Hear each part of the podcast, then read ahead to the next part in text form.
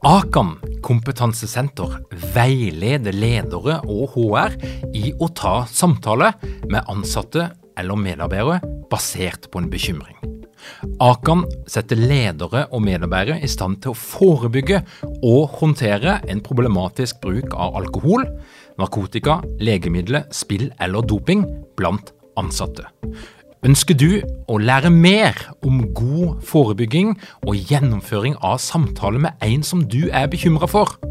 Da kan du nå få tilgang på Akan sitt digitale samtalekurs til spesialpris, kun 760 kroner.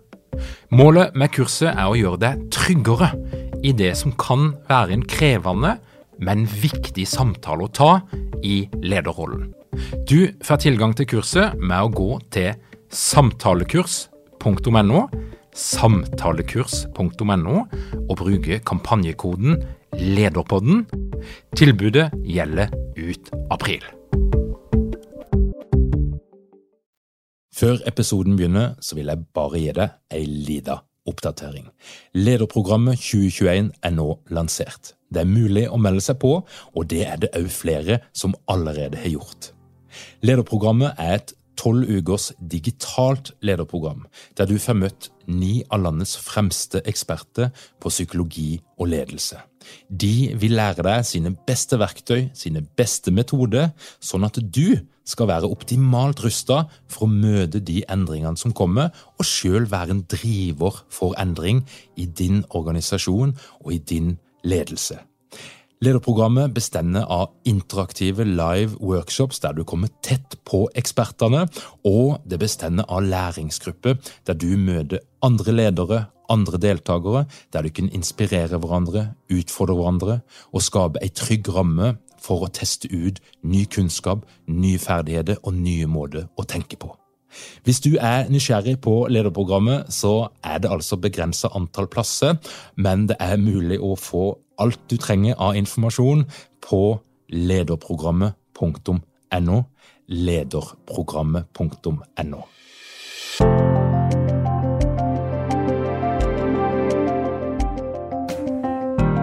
Velkommen til Lederpodden. Dette her er en podkast om ledelse, og mitt navn er Tor Åge Eikerapen. Jeg jobber som organisasjonspsykolog og foredragsholder. Og i dag har jeg endelig fått med meg en gjest inn i Lederpodden. Og sammen så skal vi ha en det jeg har tenkt på som klassens time, eller kosetime som det ble kalt. Altså, Vi skal ha et litt sånn fritt spillerom i dag. Jeg har tatt med meg inn julebrus og mandariner. Jeg er ikke helt sikker på om min kjære gjest har tatt med seg. Det er iallfall noe kaffe der. Men eh, vi er litt friere i dag enn det vi pleier å være. Og Sondre Risholm Liverød, han er verdens mest interessante psykolog, i hvert fall Norges, syns jeg. Han er ekstremt engasjert og produktiv. Han er mannen bak Norges største psykologipodkast, eh, som heter Sinnsyn. Det er over 100 000 som hører på den podkasten hver eneste måned. Og han leverer støtt og stadig, og gjort i mange år. Han er faktisk en pioner innen podkasting i Norge. Og han var òg utrolig tidlig ute med å starte med å formidle psykologisk kunnskap på web, og da er det altså Webpsykologen som er navnet. Velkommen eh, til Lederpodden, Sondre. Tusen takk. Takk for hyggelige ord. Jeg føler vi er litt sånn podkastvenner, for at vi treffes stort sett på podkast. Ja, vi gjør det. Ja.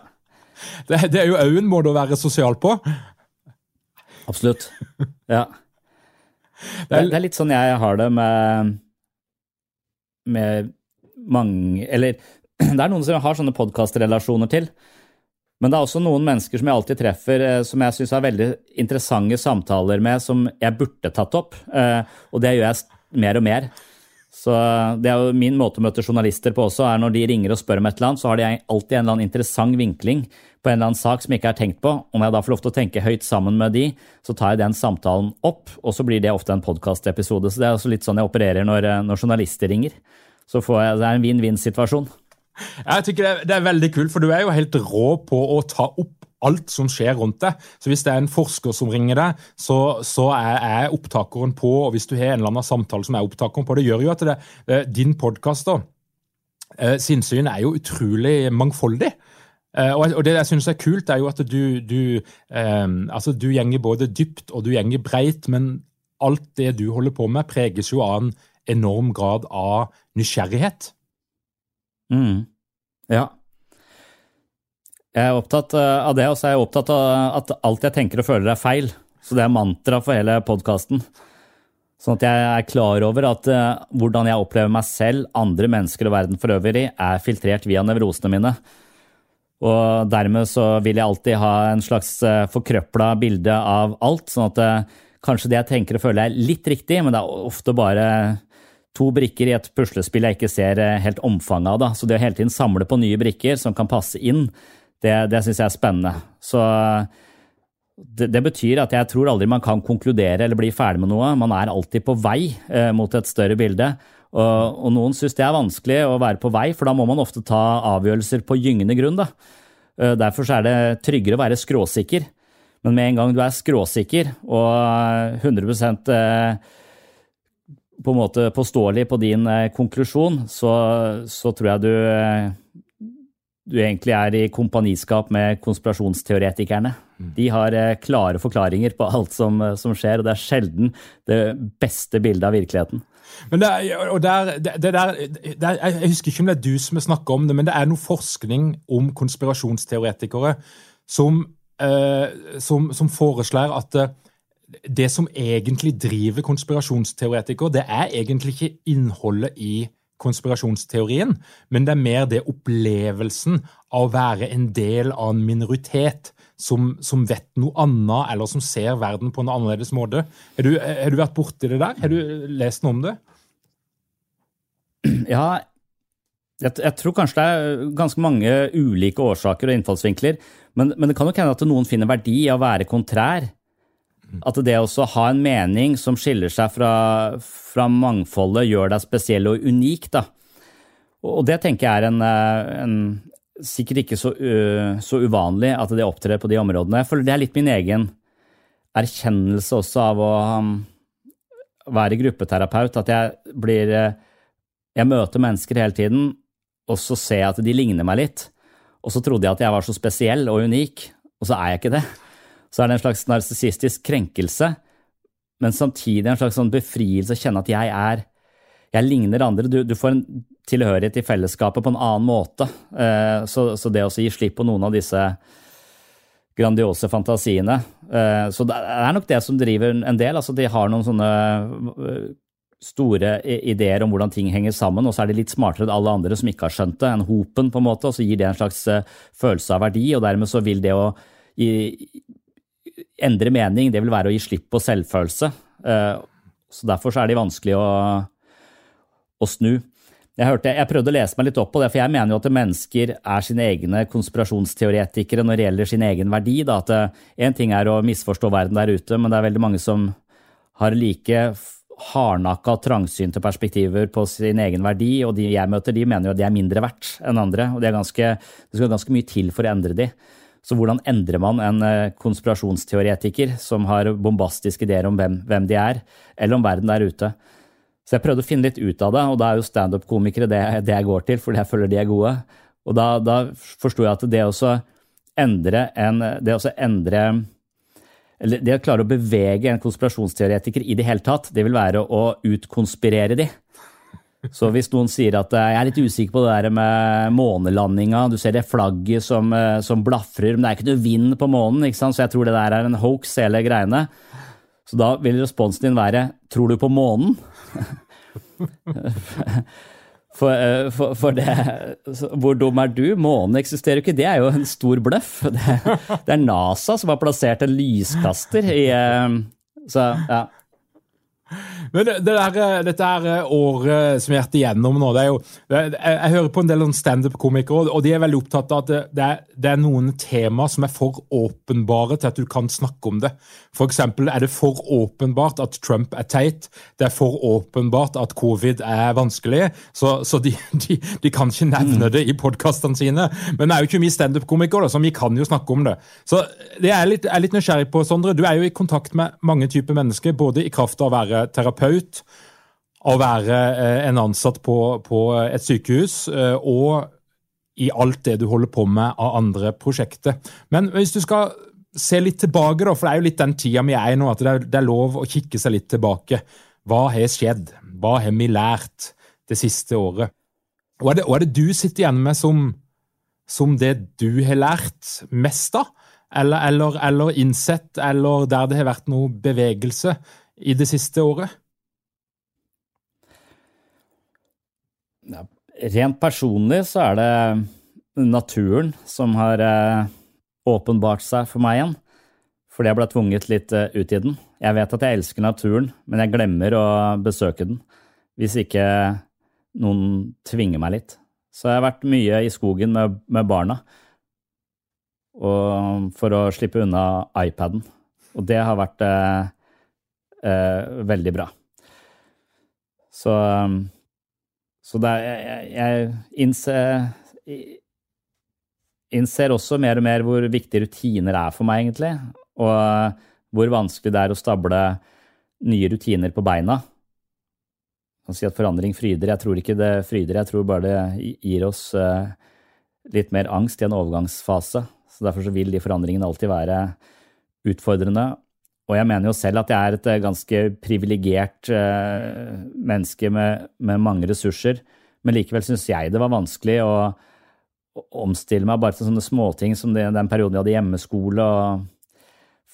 det, det, føltes nesten sånn livsviktig da, i løpet av få dager å få etablert en helt ny rutine. Og da sånn på klokka. Klokka ti er det gym. Uansett med en sånn Zumba-dame på, på, YouTube. Og alle sto i stua og gjorde det. Altså at, at vi måtte raskt som bare F etablere nye rutiner, sånn at vi visste hva vi skulle.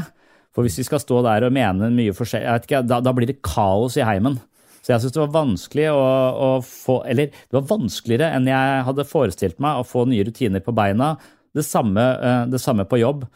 Og da jobber jeg med mennesker som ikke har de samme, alltid de samme forutsetningene og opplevd mye faenskap som gjør at de ikke er like eh, Altså de er enda vanskeligere for å opprettholde den typen rutiner, da.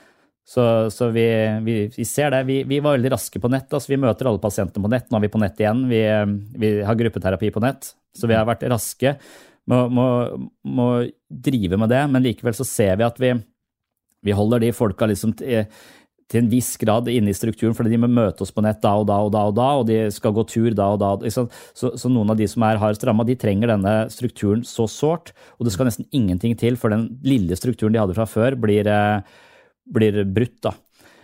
Så jobben, liksom, jobben er så sjukt viktig for meg. altså Uten jobb så, så hadde ikke jeg fungert. altså Det er som skjelettet som, som, som, jeg henger alt på. altså De rutinene jeg har. altså Uten de så har ikke jeg selvdisiplin nok til å finne på hva jeg skal gjøre nå og nå. altså Jeg må ha denne. Det er det som gir hele livet mitt en eller annen struktur. Så det, det, har jeg skjønt. Så når jeg måtte da være hjemme halve dagen Jeg bytta med kona mi, så jeg var på jobb til tolv. Så var jeg hjemme etterpå, og da gikk jeg i skogen. Så jeg fant fort en ny balanse som fungerte, så jeg har ikke blitt så hardt ramma av det på noen måte. Men det er bare den der strukturen og balansen i livet, hvor utrolig viktig den er. Og da tenker jeg at det jeg driver med, som psykolog og drive og snakke med folk om eh, barndomsnevroser og indre konflikter og ubevisste krefter, det er bare en bitte liten del av eh, det å ha det psykisk bra. Altså, det å ha struktur er, eh, veier absolutt like tungt. Det å være fysisk aktiv veier like tungt. Det å spise regelmessig. Hvis du ikke gjør noen av de tingene, så kan du drive med psykoterapi og selvinnsikt til hjem uten at det gjør noe som helst forskjell. Så psykisk helse er, er bredt, og det handler veldig mye om banale ting. Mm. Men det er jo det som, som kødder det litt til. Jeg har jo vært litt opptatt av den mørke sida av heimekontoret. Eh, for det, det, var jo en periode her der Telenor eh, i spissen og en rekke andre hadde sånn hallelujastemning for heimekontoret. Og der, Det var helt fantastisk. og jeg tenker jo Det var mye dollartegn i øynene for det at bedrifter så at her kan vi spare på sikt masse penger på Eh, og ikke leie dyre kontorlokaler. Og, og, det kan være mange andre årsaker. Men det du nevner nå, det er jo det som fucker det opp for mange. Fordi at jobben nettopp er den her faktoren som gir struktur. Det å møte på jobb, fysisk bli sett. At folk kikker deg inn i øynene, de lukter på deg. Hvis vi snakker om avhengighetsproblematikk f.eks., det kan være andre typer sårbarheter, så tenker jeg jo at vi undervurderer litt eller iallfall i perioder, så har det blitt undervurdert hvor viktig den her fysiske oppmøtet, tilstedeværelsen på jobb, er for ganske mange mennesker. Jeg vet ikke det er jo noen prosent på dette, men, men, men det er jo alle kjenner noen eh, som har en eller annen form for avhengighetsproblematikk. Og, og jeg tror de fleste òg vet at jobben er ofte det som, som gjør at vi holder oss på, på akkurat på den rette sida. Mm. Ja, jeg, jeg, blir overvektig av ikke være på jobb. Altså Eller jeg, jeg, jeg, har ikke anlegg for overvekt, men jeg får sånn kulemage. Uh, for det er jobben, da spiser jeg bare på det ene tidspunktet klokka halv tolv. Rett før jeg møtte deg nå, så var det lunsj, og da spiser jeg noe knekkebrød. Og så spiser jeg ikke før middagen igjen. Det er så viktig for meg. Altså. Hvis jeg går hjemme på hjemmeskole, eh, så må jeg jo eh, håndtere frustrasjonen på en eller annen måte. Og da er karbohydrater jo helt ypperlig. Så, jeg er helt, helt, enig i det. Det er viktig. Også, jeg har lurt litt på den fysiske kontakten også. Det med å, å ta på, på hverandre. Mm. At det er en annen form for mitt Jeg nærmer meg andre språklig. Så, så, så, jeg skaper kontakt med verbalt fordi at jeg har sånn Jeg klarer ikke dansekurs, for at det kommer for tett på meg, men jeg vet at det er veldig viktig. da. Så, så jeg tenker vel kanskje at eh, når man ser kontakten mellom mennesker, det at det, hvis du ser to som virkelig connecter, så vil de også posituren deres vil være litt lik. At de vil se hverandre. De vil skifte stilling synkront fordi at de lever seg inn i hverandre. Og det å være da nær en annen menneske og få alle de stimulene, tror jeg kanskje er, eh, er, veldig viktig. Og så tenker jeg at det er noen som er mye mer opptatt av det nære enn det jeg er, å klemme hverandre og sånn. Jeg, tror det, eh, jeg, jeg, tror vi blir litt sånn underernært der, og at eh, vi, det blir en slags sånn et eller annet fattige relasjoner som ikke har den danseaspektet. Da. Det kunne danse med noen, være i det samspillet hvor du også berører, for, for det er viktig for, for mange. Og folk, folk, er jo forskjellige, og folk opplever denne perioden veldig forskjellig. Altså, Bor du i Oslo eller jobber i et Oslo-basert firma, så, så, har du sannsynligvis vært på heimekontor siden 12. mars. Eh, på der vi holder til, lenger sør i landet, så er det litt annerledes. Men, men, men det er jo faktum at det finnes ganske mange eh, folk her i landet som har vært på heimekontor non stop siden 12. mars. Og det en ser da, når jeg er i kontakt med ledere og, og grupper ansatte, det er jo en, en, en slitasje som begynner å komme, å komme. Og så er det noen introverte mennesker som er superfornøyd, og som syns at heimekontor er det beste som har skjedd i noensinne, og de vil helst aldri tilbake igjen. Men sånn all over så, jeg, så er det to faktorer som jeg tenker å spille inn. Det ene er jo vi lever i uforutsigbarhet. Det høres ut som en klisjé, men, men vi vet jo ikke helt når er dette her over? Hva vil denne vaksina gi oss? Og Det er jo noen som bruker denne metaforen at det, at det er som liksom at målstreken hele tida flytter på seg. Du tror liksom at nå er vi snart der. Oi, så ble det ikke sånn allikevel. Så det er jo en ganske ekstrem grad av uforutsigbarhet som ligger litt sånn rundt oss. Og, og så er det jo denne, det du beskriver, at hvis en da ser for seg de menneskene som må være på heimekontor hele tida, så er det jo en form for sansedeprivasjon. Altså det er en, det derre mangfoldet i sanseinntrykk som du får i løpet av en normal arbeidsdag, bare med å gå rundt altså Du skal til kaffemaskinen, og så skal du gå inn i et møte, og så treffer du noen folk der, og så ser du noen folk der. Ganske, ganske mange tusen sanseinntrykk. Mens på heimekontoret så er det liksom innskrenka til noe fatt, et fattig lite rom, i beste fall, og en skjerm. og det som skjer der. Det er jo, det er jo interessant og litt sånn evolusjonistisk og litt sånn i det større bildet av og, og, og, og, gjør det med oss, da. Det er jo folk som har levd sånn før. Det finnes masse firmaer i USA som utelukkende er basert på at folk jobber hjemmefra. Så, så, så det, er, det, er, jo ikke umulig, men det er jo interessant. Hva gjør det med oss litt kollektivt? Eh, og, og psyken vår på sikt? Eh, har du tenkt noe på det, eller? Ja, jeg har ikke tenkt sånn veldig mye eh, på det, fordi at jeg har liksom sånne lang, Intimgrensene mine er liksom sånn Så, så jeg, er ikke den, jeg er ikke en klemmer. Uh, så, så, for meg så har det ikke Det går liksom ikke det, Dette angriper ikke meg like hardt som jeg ser det angriper andre. Men, men jeg er helt sikker på at det, det er et eller annet her vi, vi mister. Og den der uforutsigbarheten, det, det, tror jeg også er det som er et slags kjennetegn på psykisk styrke, er å tåle forutsigbarhet. Jeg tror f.eks. vi spiller spill for å bemektige oss fremtiden på en eller annen måte. Altså Vi spiller spill som har visse regler, for da, da får vi en sånn følelse av allmektighet å kunne regne ut fremtida. Sjakk er en måte å kunne regne ut fremtida på hvis du er eh, god nok. Du trener på å eh, gjøre det uforutsigbare eller det kaotiske systemet. Du, du forstår liksom Du kan regne deg framover. Og det kan vi liksom ikke i livet, for livet er for komplekst. da. Og Det er litt derfor jeg tror vi også henfaller til konspirasjonsteorier, for det gir oss entydige og enkle forklaringer eh, som egentlig er mye mer komplekst. Så jeg har kreft pga. 5G. Altså ikke pga. en million faktorer som handler om eh, kosthold, som handler om eh, graden av uro opp igjennom. alle de tingene som spiller inn, det blir ja, det har ikke kreften min noe ansikt lenger. Den er bare et konglomerat av ulike årsaker. Jeg tror nesten hele livet er et konglomerat av sånne ulike årsaker vi mer eller mindre kan, eh, kan kontrollere. Og det å forholde seg til den uforutsigbarheten, eller den kanskje tilfeldigheten også. Mm. Shit happens, så skjedde det, og så skjedde det. Altså, det, er, det er da lettere å tenke at nei, det var Kina sin feil. Uh, altså, Vi skal gjerne ha et ansikt på én person som slapp ut dette viruset fra et eller annet uh, hemmelig laboratorium i Wuhan. Og Det kan godt hende det stemmer, men, men, men, det er lettere for oss uh, hvis ulykken vår har et ansikt, isteden at den er helt tilfeldig. Mm. Jeg vet ikke om, om, jeg hadde syntes det hvis, det ulykke, hvis det skjedde et eller annet vondt og vanskelig med meg, som var bare shit happens. Jeg ble sjuk og fikk en sykdom som uh, ikke Altså, at det ikke enn at det sto en eller annen intendert hensikt, en eller annen person bak, en eller annen konspiratorisk forening av firfisler som vil meg vondt. Altså, Jeg vet ikke om det hadde vært noen bedre tanke. Eh, jeg skjønner, ikke helt hvordan man får fred i den, eh, i den tanken, men, men, jeg registrerer at mange mange gjør det, og jeg tror kanskje også i sånne urolige tider hvor ting virker uforutsigbart, så øker eh, på en måte behovet vårt for uh, forklaringer og, og, litt sånn enspora uh, polariseringer. Ja, betyr men, det Men en annen ja.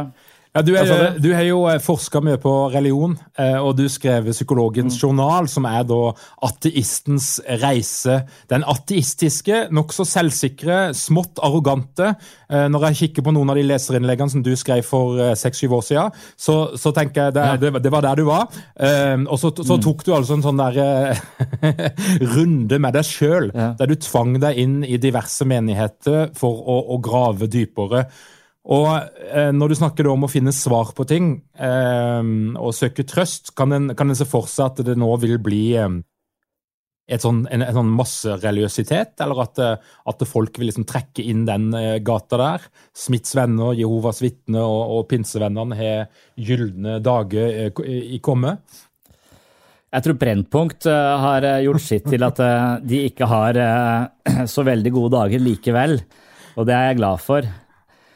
Så Nei. Jeg, jeg mener jo at det, det, religiøse har en eksistensberettigelse uh, i, i, livene våre, og at vi kanskje mangler litt av det. Men jeg, tror jeg, jeg vet ikke om jeg kan Ja, kanskje, kanskje i krisetilstand så vil det ha, ha vi, vi, vil trenge det mer, da. En eller annen arena for uh, noen litt sånn uh, åndelige behov. Og, og, jeg er ikke noe motstander av det lenger, men jeg er motstander av alle sånne lukkede systemer som mener de har svar. For hver gang jeg mener de har et svar, så, så, så, så da, da, gjelder ikke regelen min som sier at alt du tenker og føler er feil. Uh, så, der, da er du ikke lenger på vei. Så de menighetene jeg har vært i, de har hatt bombastiske svar og konklusjoner på alt mulig rart mellom himmel og jord, og de har forklaringer på covid også så, som er eh, helt annerledes og mer demonisk eh, enn eh, en forklaringene til andre konspirasjonsteoretikere. Så den typen Ja. Men, men at vi, vi har noen, noen, behov for å kanskje knytte sammen, eller gjennom kunst, eller kanskje gjennom, gjennom en form for åndelighet, det kan godt hende. Men jeg vet ikke om vi har så mange gode arenaer. Altså Her i Kristiansand så har jo han Erik Pirolt har jo satt opp en diger koronajulekule på på torvet. Og jeg bare så på den her en, en kveld. altså Jeg var skøyta med barna mine på den skøytebanen der, så ser jeg den der koronaen, og jeg syns den er vakker. Vel, jeg synes det, det er en jordklod, hele kula er en jordklod med masse sånne små røde julekuler som er disse piggene til denne coviden. Og, og, og det er jo noe eh, for meg liksom sånn, litt sånn optimistisk anlagt, egentlig. altså At jeg tenker at det, ikke alle land har klart, men mange land har klart å samles om noe felles her og prøve å gjøre en innsats hvor vi tenker på hverandre.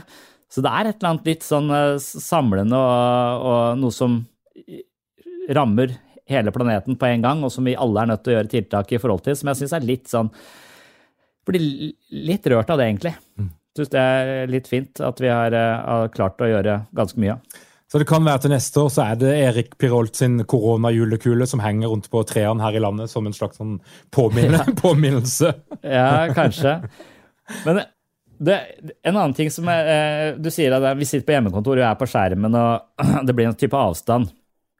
Eh, og jeg eh, har Jeg tenker egentlig Jeg har fått en sånn ja, ok, Jeg har en psykologisk forklaring på, på dette her, men, men, jeg har kjøpt en ting. Og jeg er veldig lite opptatt av ting, egentlig, men nå har jeg fått en ting som jeg mener har revolusjonert tilværelsen min. Og det er, også, det er enda mer inni dette teknologiske. Så, så, hvis vi nå likevel er bundet til denne mellommenneskelige kontakten mediert av teknologi, er det mer å hente, lurer jeg på, enn en det som vi f.eks. gjør nå. da. Jeg ser deg på skjermen, og du, du ser meg. Og, jeg har kjøpt eh, VR-briller, uh, og det er helt fantastisk. Altså, eh, og, og, og for, for hver, Jeg har egentlig kjøpt det i julegave til barna, da, men så har jeg begynt å bruke det sjøl. Så hver kveld etter de har lagt seg, så, har, så er jeg på et spill, ikke et spill, en app som heter Wonder, eller van, Vandrer. Og, det er rett og slett at jeg teleporterer meg rundt på hele jordkloden. Altså, jeg har vært i Alcatraz, bang, så sitter jeg inne i en celle der.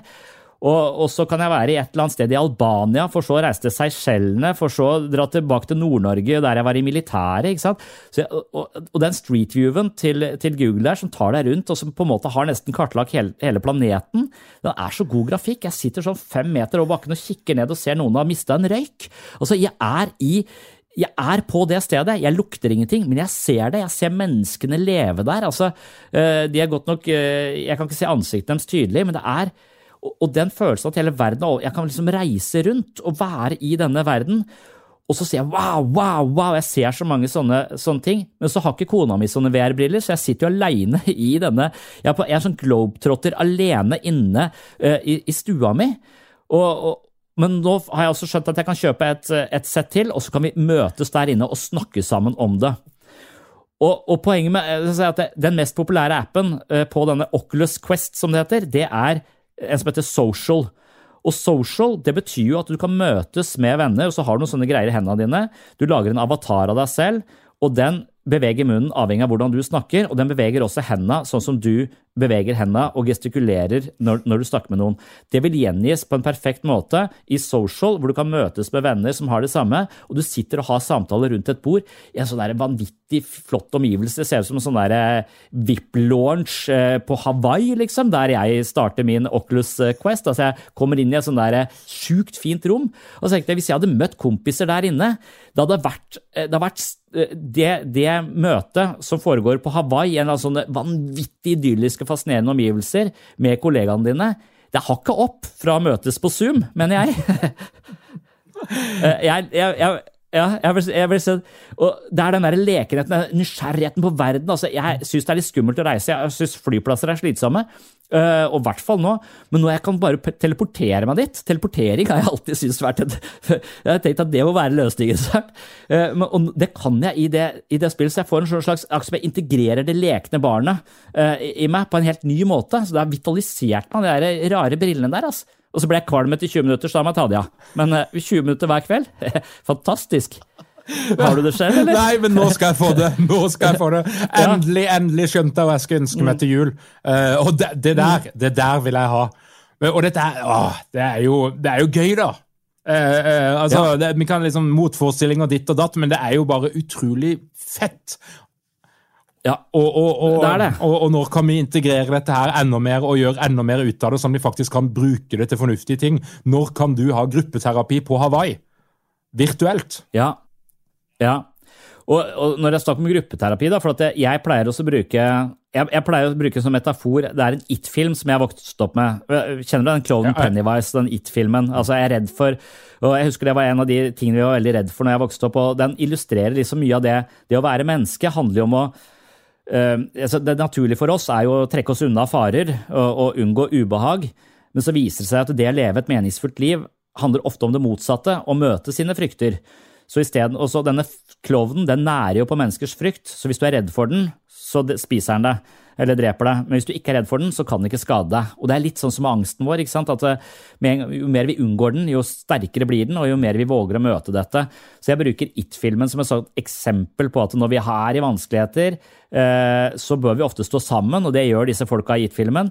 Men så må vi også møte utfordringene våre, og det er å gå inn i huset der Pennywise bor. ikke sant? Men det er jo helt unaturlig for et menneske som har sett Pennywise, å gå inn der denne forbanna klovnen faktisk holder til. Du har lyst til å reise til et annet land, eh, men det gjør de ikke. altså De samles, og så går de inn der. Men det de alltid gjør når de kommer inn, det er at de skiller lag idiotene, tenker jeg. Men det er også litt sånn eh, parallelt til hvordan jeg opplever å løse konflikter selv. altså Når jeg har konflikter med de som står meg nærmest, eller hvis jeg har det vanskelig, så trenger jeg ofte støtte fra de som står meg nærmest, men da ender jeg ofte i konflikt. Så istedenfor å eh, komme nærmere hverandre, så kommer vi lenger fra hverandre. Og det syns jeg er en, eh, en, eh, svært uheldig dynamikk, men en vanlig dynamikk. Vi trenger hverandre mer enn noensinne, og så ryker vi uklare. Så, Det illustrerer denne skrekkfilmtingen også. Og i disse brillene, disse VR-brillene, så kan jeg komme inn i Pennywise-universet. Jeg møter klovnen, han prøvde å ta kvelertak på meg, og jeg hadde drukket noe gin tonic, så jeg glemte at jeg kunne ta med de forbanna brillene, så jeg lå i fosterstilling på gulvet og skreik. For jeg, fikk, jeg skjønte ikke hvordan jeg skulle komme meg ut. Altså, Jeg var inne i dette universet. Og da jeg driver så kjepphøy sier at du må møte din egen frykt, så skjønner jeg hva det er snakk om. Så hvis jeg da kan sitte i et grupperom på nett, og en fyr er redd for slanger, da, så har vi slanger tilgjengelig. Bare kom, Du kan jo være i det. Du kan reise til Jurassic Park. Så, så her tror jeg digitale terapi har mye å, å hente. og han er Øverland er god på dette. Men jeg hadde hatt lyst til å diskutere VR-briller med for jeg er ikke sikker på om eh, har ikke, Jeg har snakket med han før, men vi har ikke toucha innom det. og For da hadde ikke jeg den erfaringen heller. Men jeg, jeg tenker at neste gang eh, vi blir ramma av et eller annet eh, virus, så, så skal jeg spandere VR-briller på alle i gruppa. For da tror jeg vi kan komme tettere på hverandre enn, uh, enn vi kan nå. Jeg skal få sykehus til å kjøpe det, noe jeg mistenker at de ikke vil foreløpig. Det høres ut som et prosjekt for Innovasjon Norge som noen vil kaste penger etter deg, Sondre. Så, så ta, mm, ta den her et lenger. Jeg skal iallfall få tak i sånne briller, for det er liksom neste steg. For jeg merker at det, Mm. Dette er greia med kamera der, skjermen der, altså, altså hele opplegget. Mm. Det, det, det, blir for anstrengende. så Vi trenger å få tatt dette her ett steg til. og Egentlig så syns jeg at det har skjedd altfor lite de siste 20 årene når det kommer til teknologi. Hvorfor i huleste sitter mm. vi fremdeles med et kamera der og en skjerm der? Hvorfor er det ikke mer tilpassa menneskelig mm. kommunikasjon? Det må jo være et kamera mm. midt inni skjermen heller, eller et eller annet. Så jeg mm. håper jo at noe av det som har skjedd det siste året, kan bidra til at liksom, la, la, oss få litt fart på denne greia. Eh, jeg tror det er en del gøy, mm. gøye muligheter der. Ja, det tror jeg også. Vi, og, og, det er litt greit å ha det som en backup-løsning, da. Eh, jeg mener at eh, jeg ser så klart at vi trenger å ha et sted å møte opp, vi trenger et sted å høre til, vi trenger et sted å, å, å være sammen med folk. Har dere mange ledere uten trening eller utdannelse innen ledelse? Mangler dere en felles kultur og praksis for ledelse? Ønsker dere å være bedre rustet for fremtidig vekst og endring? Da kan et internt lederutviklingsprogram være en god investering. I Execu er vi eksperter på å designe og gjennomføre bedriftsinterne lederutviklingsprogram. Hvis du ønsker å lære mer om hvordan vi kan hjelpe dykken til å få enda bedre ledere, ta og klikk deg inn på execu.no.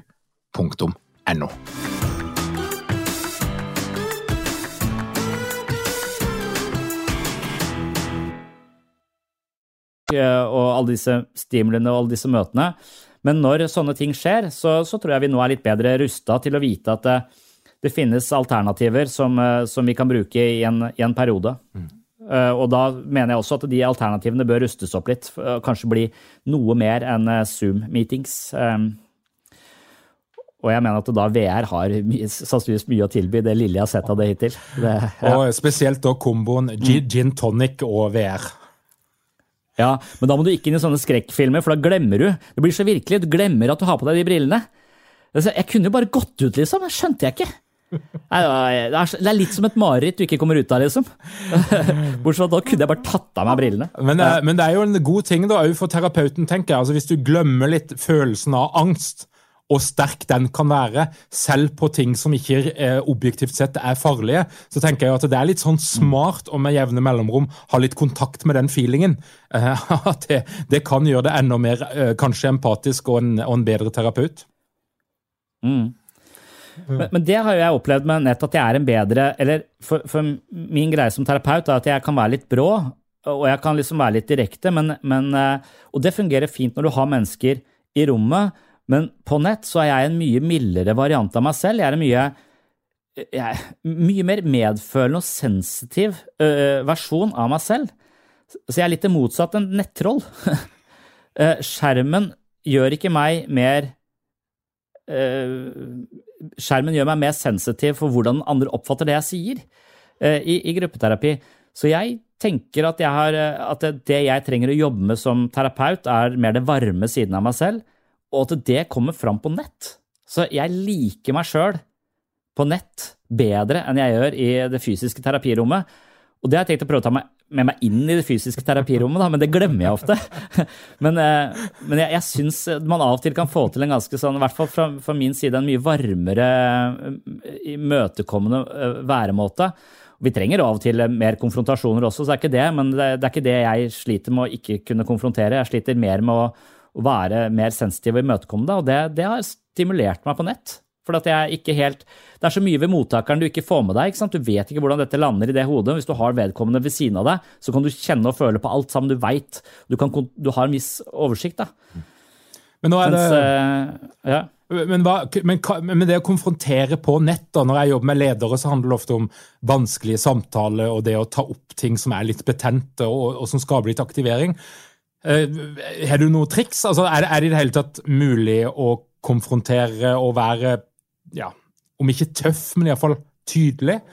Og, og er, det, altså, er, det, sånn at du viker unna? Burde du egentlig ha sagt ting som du dropper å si fordi du er på nett, som du hadde sagt i et rom?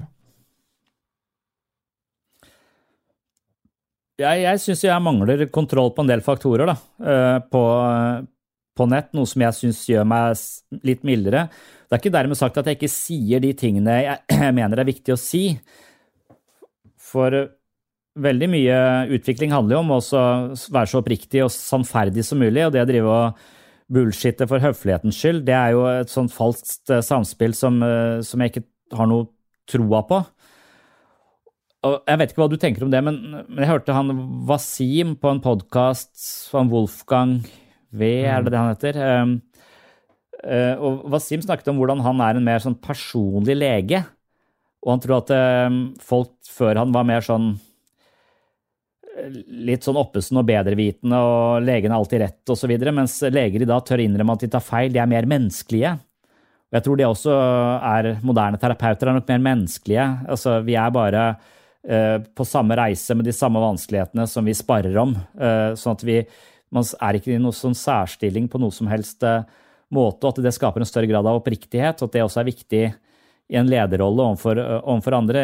Jeg er jo teamleder for noen få mennesker, jeg føler vel at vi er bestevenner, på en måte. At, den, eh, at for, forskjellen i hierarkiet er så flat som mulig. Jeg tror jeg trives best med, med, med, det, med det selv. Men når det kommer til, eh, til, nettet, så blir jeg en mildere variant, fordi jeg ikke helt klarer å, å, å, lese den andre på en like nær måte. Men det betyr kanskje bare at jeg går noen flere runder, tar noen flere Altså setter opp noen stålmenn før jeg skyter på noen stråmenn eventuelt. At jeg prøver å tenke hva er det, hva, hva, hva er det vedkommende prøver å uttrykke, hva er det vedkommende sliter med der den sitter. Altså, akkurat som jeg ser hele personen på en litt annen måte. Jeg går glipp av masse informasjon, samtidig som jeg ser ganske mye annen informasjon. Jeg ser hvor de er hen. Der bor du. Sånn, altså, som at jeg også føler jeg kommer litt hjem til folk som er litt så småubehagelige, men samtidig så får jeg en annen slags sånn ydmykhet for at de også har sine ting da, som jeg ikke nødvendigvis ser. Så det kan være at jeg liksom går noen flere, flere runder før jeg, før, før jeg bokser det i nyrene, nesten sagt, og at det er eh, veldig bra så, men, eh, men, det er klart det er, det er, bedre, det er lettere å kontrollere, for, for så, så, går skjermen i svart, vet du, så vet du ikke hva, eh, hva, personen gjør der. Så omsorgen min for andre høynes litt, det, men det tror jeg merker, og da tror jeg har større gjennomslagskraft. Altså, jeg tror, jeg tror jeg av en eller annen merkverdig grunn knytter tettere kontakt til pasientene mine når vi innimellom er på nett. For vi har jo vært på nett, og så møtes vi i terapirommet, og så kom disse tometerne, og så var vi tilbake på nett. Så jeg føler den bevegelsen, nett sammen, nett sammen, har nærmest styrket båndet jeg har til en del av de menneskene jeg jobber med.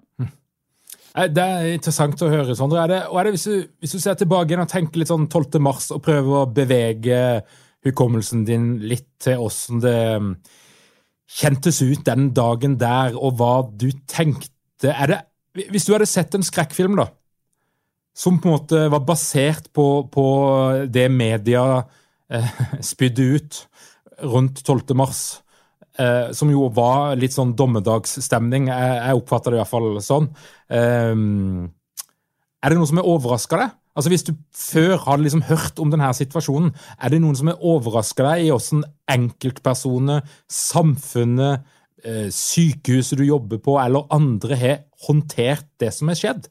Er det noen, For du har jo antakelser om menneskets atferd og reaksjoner, og, og, og, og filosoferer mye rundt det, men, men, er det noe du har sett som har overraska deg?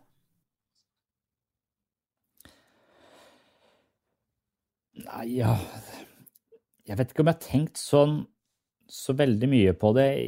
Jeg er noe litt sånn mainstream i hodet mitt. Jeg syns liksom at myndighetene har takla dette ganske bra. Ja. Og, og, jeg syns de holder eh, hodet kaldt. Så jeg er jo litt Mitt hode er ikke alltid så kaldt som, eh, som det Bent Høie sitt hode tydeligvis er. Han snakker samme toneleie hele, hele tida. Eh, noe som er litt merkverdig. Men jeg syns de, de, har håndtert det ganske bra. Nå er det jo dette med at de slipper inn disse arbeidsinnvandrerne, noe som virker litt sånn sketchy øh, og, og, merkverdig, men noen feil må man jo, må man jo gjøre.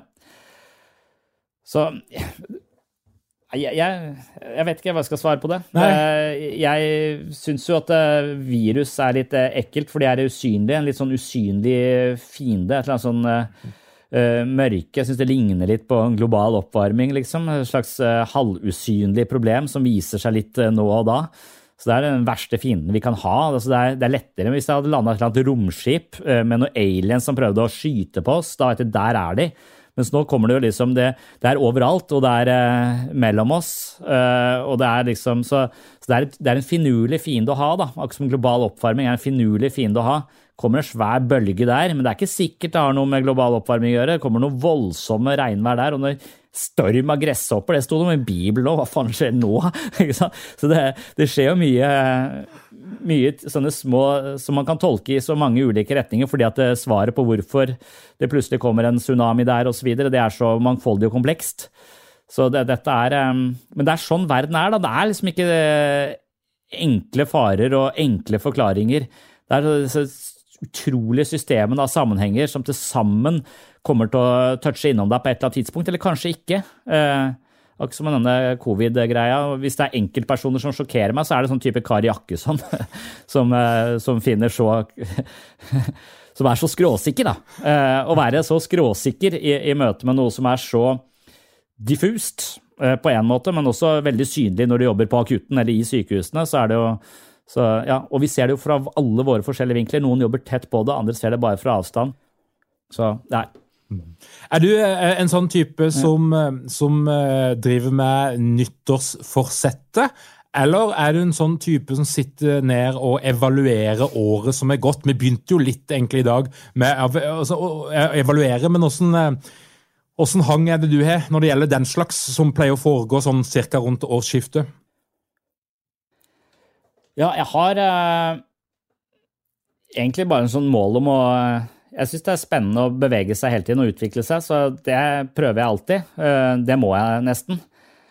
Eh, for det er mye å jobbe, jobbe med. Så jeg vil bli mer tålmodig. Jeg vil, en, jeg vil alltid bli en bedre pappa enn det jeg føler jeg klarer alltid å være. Og så har jeg et litt sånn Jeg tror at, eh, at, det feltet jeg går inn på nå for å bli bedre kjent med meg selv, er rasisme, faktisk. Mm. Eh, for, eh, for, jeg har meninger om eh, Ali i borettslaget og, og han fyren i 'Nissen over skog og hei', hvor jeg er usikker på om de antirasistiske tiltakene er hensiktsmessige, eller om de lager flere grenser mellom rett og galt som potensielt gir oss mer konflikt enn det vi egentlig hadde strengt talt hadde hatt.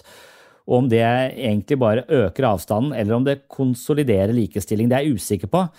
Og når jeg diskuterer dette med mine antirasistiske venner, så blir jeg ofte nesten rasistisk, eller blir i hvert fall anklaget for å være rasistisk. Og jeg tror nok at jeg som hvit privilegert har en del blindflekker når det kommer til dette med, med rasisme. Eh, så det, det, driver jeg sånn så smått og utforsker i kommentarfeltene, noe som er ikke noe bra sted å, eh, å utforske det. Men jeg er, eh, altså, mitt ønske for, med podkasten sånn, er at jeg kommer til å invitere noen uh, antirasister som jeg skal snakke med for å, for å bli litt mer opplyst. For jeg syns jeg er så redd uh, i møte med dem, for at jeg hele tiden føler meg som denne privilegerte hvite idioten. At jeg sier ting som er um, uvørent da, og lite sensitivt fordi jeg ikke ser det store bildet. Eh, så, så der er jeg omtrent like eh, famlende som jeg var eh, som ateist i møte med de kristne for en del år siden, som påpekte. Så nå er det den famlende, ubevisste rasisten i meg selv som skal ut i lyset. Det er mitt mål for 2021. Ja, det høres ut som et veldig spennende og krevende prosjekt. Er det, er det en ny bok på gang, eller snakker vi om Psykologen journal 2, eh, rasistutgaven? Nei, jeg tror ikke det blir eh, så omfattende.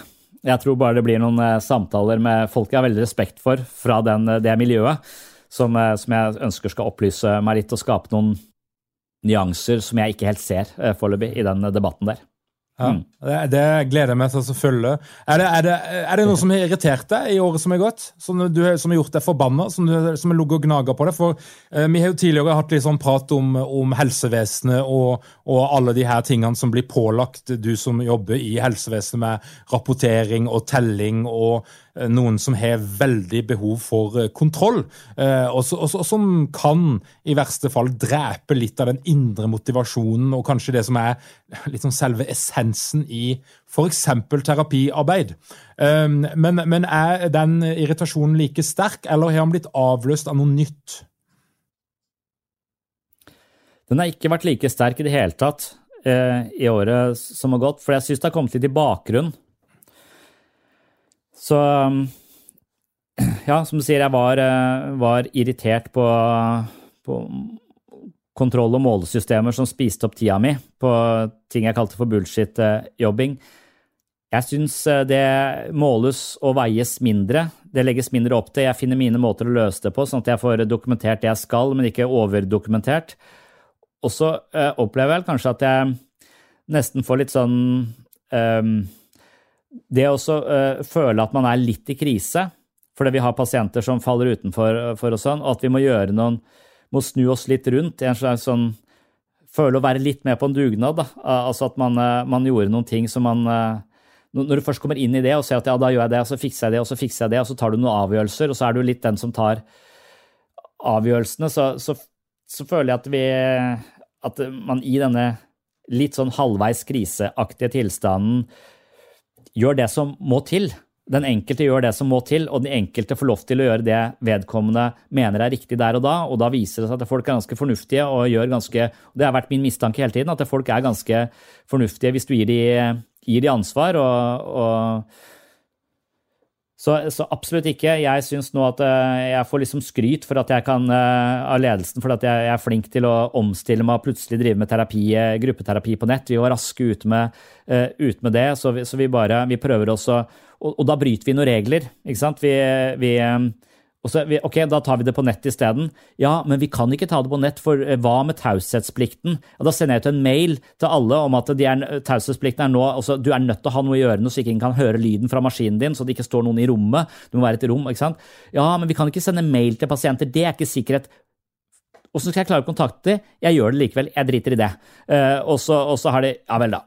Eh, så dreit vi det. Og så, og så, vi, så, må vi risikere noe, fordi at eh, faren for å miste folk i selvmord og dyp depresjon er så stor at vi er nødt til å bare gjøre noen uh, raske løsninger som løser problemet der, der, og da, sånn at vi kommer raskt i kontakt. Og så, og så er alle disse vanlige regelverkene og prosedyrene som ville tatt månedsvis å, å lage for å tette alle mulige hull til eh, risiko, de må vi bare hoppe litt bukk over. Og i en sånn situasjon så liker jeg Det er litt mer som på slagmarkedet. Jeg liker det bedre enn eh, Ja. Og så syns jeg jeg fikk litt gehør for det. at det, jeg, sa at hvis vi skal drive, hvis vi ikke kan kommunisere med de eh, via mail, hvor jeg kan gi dem den linken som de skal eh, klikke seg inn på, og mange av de tar ikke telefonen ikke sant? Hva skal jeg gjøre? Skal jeg reise hjem til det? Ikke, det kommer vi ikke i gang. altså så, så, blir det sånn ja, gjør, gjør, gjør, det du må, da, men ikke si det. Så, ikke, ikke drive og Så ja, fint. Da gjør vi det vi må. Så krisa så det, det er likt. krisa ja. gjør at det er en bedre match rett og slett mellom deg og systemet. Altså, Du er egentlig en fantastisk ansatt i krisesituasjon. Eh, og, og, når du kan få lov til å bryte litt regler, og, og det er akseptert, så er du egentlig akkurat der du skal være. Ja, jeg vet ikke om jeg er en fantastisk ansatt, men jeg er i hvert fall uh, i, i, mindre motstand. da. uh, så det er en bedre, bedre, dialog, selv om det ikke er så veldig mye dialog. Men min, sjef, min nærmeste sjef her på huset er jo en veldig god dialog med hele tiden. Så det er mer det, det selve toppen som, uh, som, det skurrer litt med i forhold til, forhold til meg. da. Jeg er jo sikkert ikke den letteste personen å lede. Det har jo du analysert deg fram til eh, på et julebord vi hadde også. ja, den er veldig populær. Den, er på, den ligger jo på YouTube, så den er, er, jo, den er, den er tilgjengelig. Men, men eh, Sondre, mm. hvis, hvis, eh, den er litt nysgjerrig på, på podkasten din og alle prosjektene dine. For det er en ganske Jeg vet ikke sikkert du ser det sånn sjøl, men, men det er ganske heftig formidlingsjobb du bedriver. Altså, Du bruker mye tid på det, og du, du, du, har en produktivitet, spesielt når du tenker på at du har tre barn og du har en full jobb der du har lederansvar, så er det helt enormt imponert. Og det som er greia, er jo at denne podkasten din, med god grunn, så er han jo vanvittig populær. Altså Han er på topplista over de mest populære podkastene i Norge. Og hvis du tenker på podkaster som omhandler psykologi, så er det desidert den største. Altså Som jeg sa i stad, 100 000 mennesker hører på den podkasten hver måned. Og, og, og, det jeg er litt nysgjerrig på, det er hvorfor gjør de det? Jeg innbiller meg jo kanskje at det er uh, dette målet uh, om oppriktighet, mest mulig oppriktighet, og den balansen jeg har mellom å være bombastisk og krass, men fortsatt skjønne at jeg er bombastisk og krass, og litt konspirasjonsteoretisk anlagt innimellom når det gjelder ledelsen og sånn, så at jeg kan ha en slags nysgjerrighet både innover og utover, og at jeg ikke, ikke agerer som eh, Ja, jeg er jo ekspert på mange ting, vet du. Uh, og, det, og, det, å være ekspert på så mange ting som jeg er ekspert på, det tok Folkeopplysningen ganske eh, klart uh, jeg, jeg, følte litt på det, Folkeopplysningen, for at jeg men, men er, jeg tror det er litt den bevegelsen jeg gjør. altså Jeg har en sånn pendelbevegelse i meg selv. Jeg er ikke bipolar, men jeg har en sånn følelse av at av og til så syns jeg at jeg er helt konge, og så går en uke, så syns jeg at jeg er helt Altså, hvorfor skal jeg si noe som helst? Hvorfor, er, altså, jeg føler meg ganske nede. Jeg får sånne smådepresjoner som kommer som et korreks til mine mer sånne grandiose fantasier om hvem, eh, hvor fortreffelig jeg er. Og det snakker jeg om. Jeg tar det opp. Altså, det er en slags gjennomsiktighet. så Hvis du spør meg den ene uka om jeg kan snakke om et eller annet, så sier jeg nei, beklager, det kan jeg ikke. Neste uke så ja, det kan jeg sikkert like mye om som alle andre, så det kan jeg bare eh, kjøre på. Så jeg, jeg fungerer f.eks. som ekspert på hjemmekontor, ikke sant. Og det, det er jo eh, Det er jo Jeg vet ikke et, jeg, husker ikke hvordan det starta, men på en eller annen måte så ble jeg ekspert på hjemmekontor. Og det er jo, det er jo så merkelig. Det kan godt hende du får noen sånne, sånne ting, du også. Men jeg tror kanskje at eh, jeg håper at det er en viss grad av oppriktighet eh, i, eh, som, som, folk kan høre på og kjenne seg igjen i. Og at det er, det er ikke så Jeg er jo veldig lite opptatt av teknologi. Eller jeg er opptatt av VR-briller nå, da. Men jeg, jeg er ikke opptatt av teknisk perfeksjon. Jeg er opptatt av spontanitet og umiddelbarhet. Og hvis man sier noe feil, så, så må man gå tilbake på det og så må man undersøke hvor, hvor det kom fra. Og, og det, selve den bevegelsen hvor jeg prøver å bevege meg selv, samtidig som jeg prøver å forankre det i litteratur og si fornuftige ting om, om, om psykologi. Jeg tror, den, jeg tror, det gir en litt personlig touch. Det er i hvert fall det jeg, det jeg håper. At det, ja. Blir, blir, du, blir, du, litt sånn paranoid av og til? Kan du få litt sånn fylleangst? Altså, vi, vi har jo dette felles at vi driver og eksponerer oss hele tida. Altså, ja. Vi byr på sjøl, og vi er private, og vi tar sjanse, og vi, vi, er den som rekker hånda opp, da. Eller som svarer hvis noen ringer. Eh, mm. og, og, og, av og til så kan en jo få Eller jeg kan i hvert fall kjenne litt på en sånn, litt sånn fylleangstaktig følelse.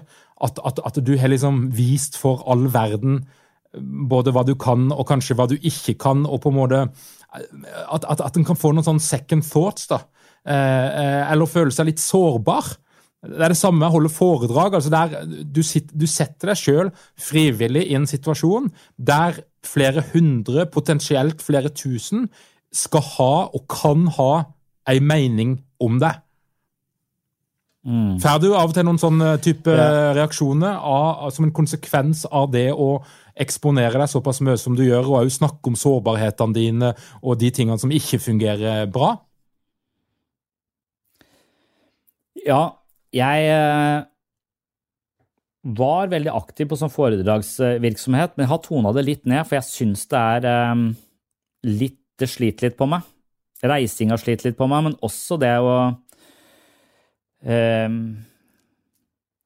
Ja, være i den, den, posisjonen, det sliter litt på meg. Men når det gjelder podkast og sånn, så kommer det litt mer på avstand. Så jeg er ikke sånn supernevrotisk orientert på det. Så jeg, jeg, kaster ting litt ut, og så legger jeg det litt fra meg, og så tenker jeg ikke så mye mer på det. Og jeg, det, og jeg har jo liksom tatt et oppgjør med perfeksjonisme. Jeg er ikke noe begeistra for det. Jeg ser det som en fiende. Altså at jeg, jeg tenker at mennesket er lagd, lagd på den måten at vi er ræva, og så gjør vi ræva ting lenge, og så blir vi middelmodige, og så gjør vi middelmodige ting lenge. Og hvis vi holder ut det og tåler å stå i middelmodigheten vår, så vil vi etter hvert kanskje bli litt gode på noe. Og da, eh, så, så jeg vil jo si at den utviklingen ligger sikkert i podkasten òg. Altså at jeg mente å vite og være veldig klok på de områdene, og så ser jeg senere at det er jo helt eh, Det er et snevert og ganske trangsynt perspektiv, men det ligger noe der. Det er en del av en, en, en vekst, eh, det også. Så, så, jeg har det litt sånn med og, og, så tenker jeg også, som jeg prøver å snakke med pasienter om, at det, den store feilen mennesker gjør, er at de, de veier sin egen verdi ut ifra sånne tilfeldige målestokker. Altså hvorvidt jeg kan det eller ikke kan det, eller mener det eller ikke mener det, eller har den karrieren eller har så mange lag. Så, så, hver gang du hviler din egen verdi i et sånt snevert område, eh, så, så, så, vil du være veldig sårbar for å gå ned med flagget fordi en fiasko kan definere deg som et dårlig menneske. Og jeg tror veldig mange gjør den der eh, feilaktigheten der at de ikke, de ikke ser mangfoldet, den der fundamentalismen man har mot seg selv. De ser ikke mangfoldet så Howard Gardner skrev en bok som et Frames of Mind, hvor han nevner i hvert fall sånn 16 eller 7 16 ulike intelligenser som vi kan utvikle oss på. og Jeg synes det er, jeg pleier å ta med det. Hvis, jeg, hvis jeg er dårlig på det, så kan jeg være god, jeg motorisk god, jeg kan være emosjonelt sånn middels, jeg kan være intellektuelt uh, middels, jeg kan være estetisk høy. Ikke sant? Det er masse utviklingslinjer som definerer meg. Det er konglomerat av alt det som gir gir meg eh, på en måte altså, Du er verdifull for den du er, og du har så mange tusen fasetter. og hvor, Hvorvidt du da plukker ut to-tre og måler deg opp mot de, og hvis ikke du når opp der, så føler du deg dårlig.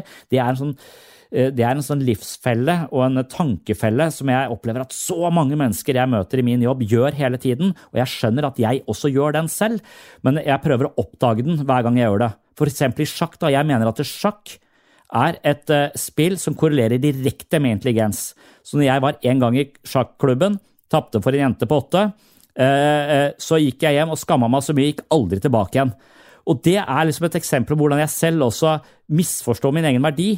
Du er en elendig sjakkspiller. At du i det hele tatt nevner ordet sjakk, tar sjakk i din munn, det er en skam for spillet, eh, tenkte jeg jo da. Og jeg følte det sterkt i meg. Og Det, det, men det er ikke sånn, for sjakk korrelerer med hvor mange timer du har foran brettet. Og hvis du gir opp der fordi at du mener du er middelmådig, så har du liksom tapt. Så jeg, jeg, tenker vi må kaste ting ut. Og, må, så, og hvis du sier noe som støter andre og, og, er frekt, som jeg har gjort noen ganger, så, så må man si unnskyld uh, og så prøve å gjøre opp for det. Um, så, og jeg er en person som ber mer om tilgivelse enn tillatelse, det vet du kanskje? Det er, ja, det er så deilig å høre sånn, for jeg dritter meg ut med, med sånn jevne mellomrom. Sånn, jeg sånn fire store blemmer i løpet av året, jeg prøver å holde det cirka der.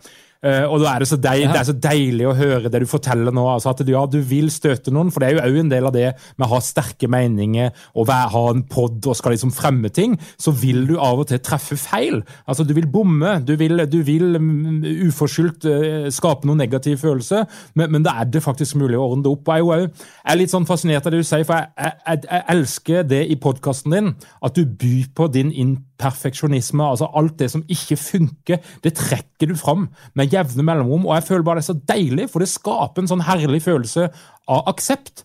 Og som jeg tenker er så viktig, spesielt i din rolle som psykolog, som mange tenker på at de har alt på stell, og der funker ting og sånn. Det er jo bare en jobb og en utdannelse. Det er jo ikke en personlighet eller et, et design av mennesket. Så jeg syns den jobben der den er utrolig viktig. Og så tenker jeg jo, For å trekke det litt inn i ledelsen, da.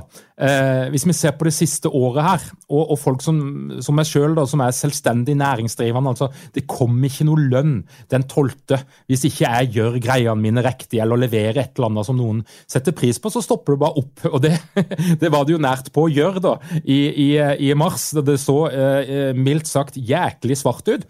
Men, men, men, det som jeg opplever, og ikke bare i min egen form for virksomhet, men òg som jeg ser rundt meg, er at det, det er jo de som tør å eksperimentere, tør å teste ut, tør å slippe ting ut uten at det er perfekt. Bare kast det ut. Mm. Altså, også, også, også, mm. Se hva som skjer. Uh, men det er jo de som klarer seg. Det er jo de som kaster seg rundt og som tør å bryte litt sånn konvensjoner, åssen vi pleier å gjøre det.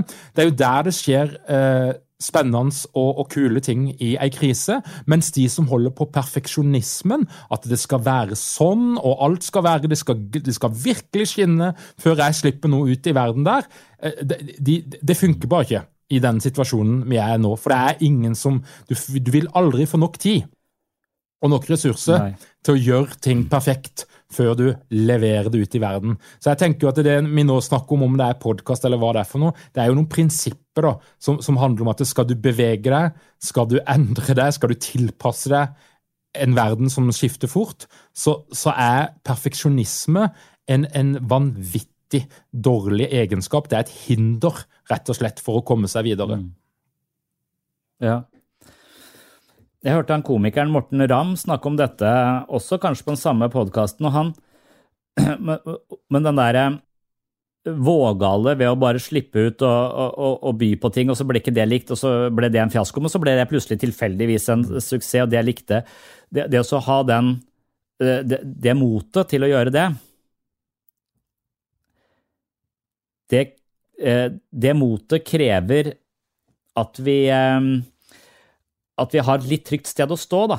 Eh, så jo, jo mer utrygge vi er, jo mer desperate vi blir, jo mer vil perfeksjonismen at dette må, bli, dette må fungere.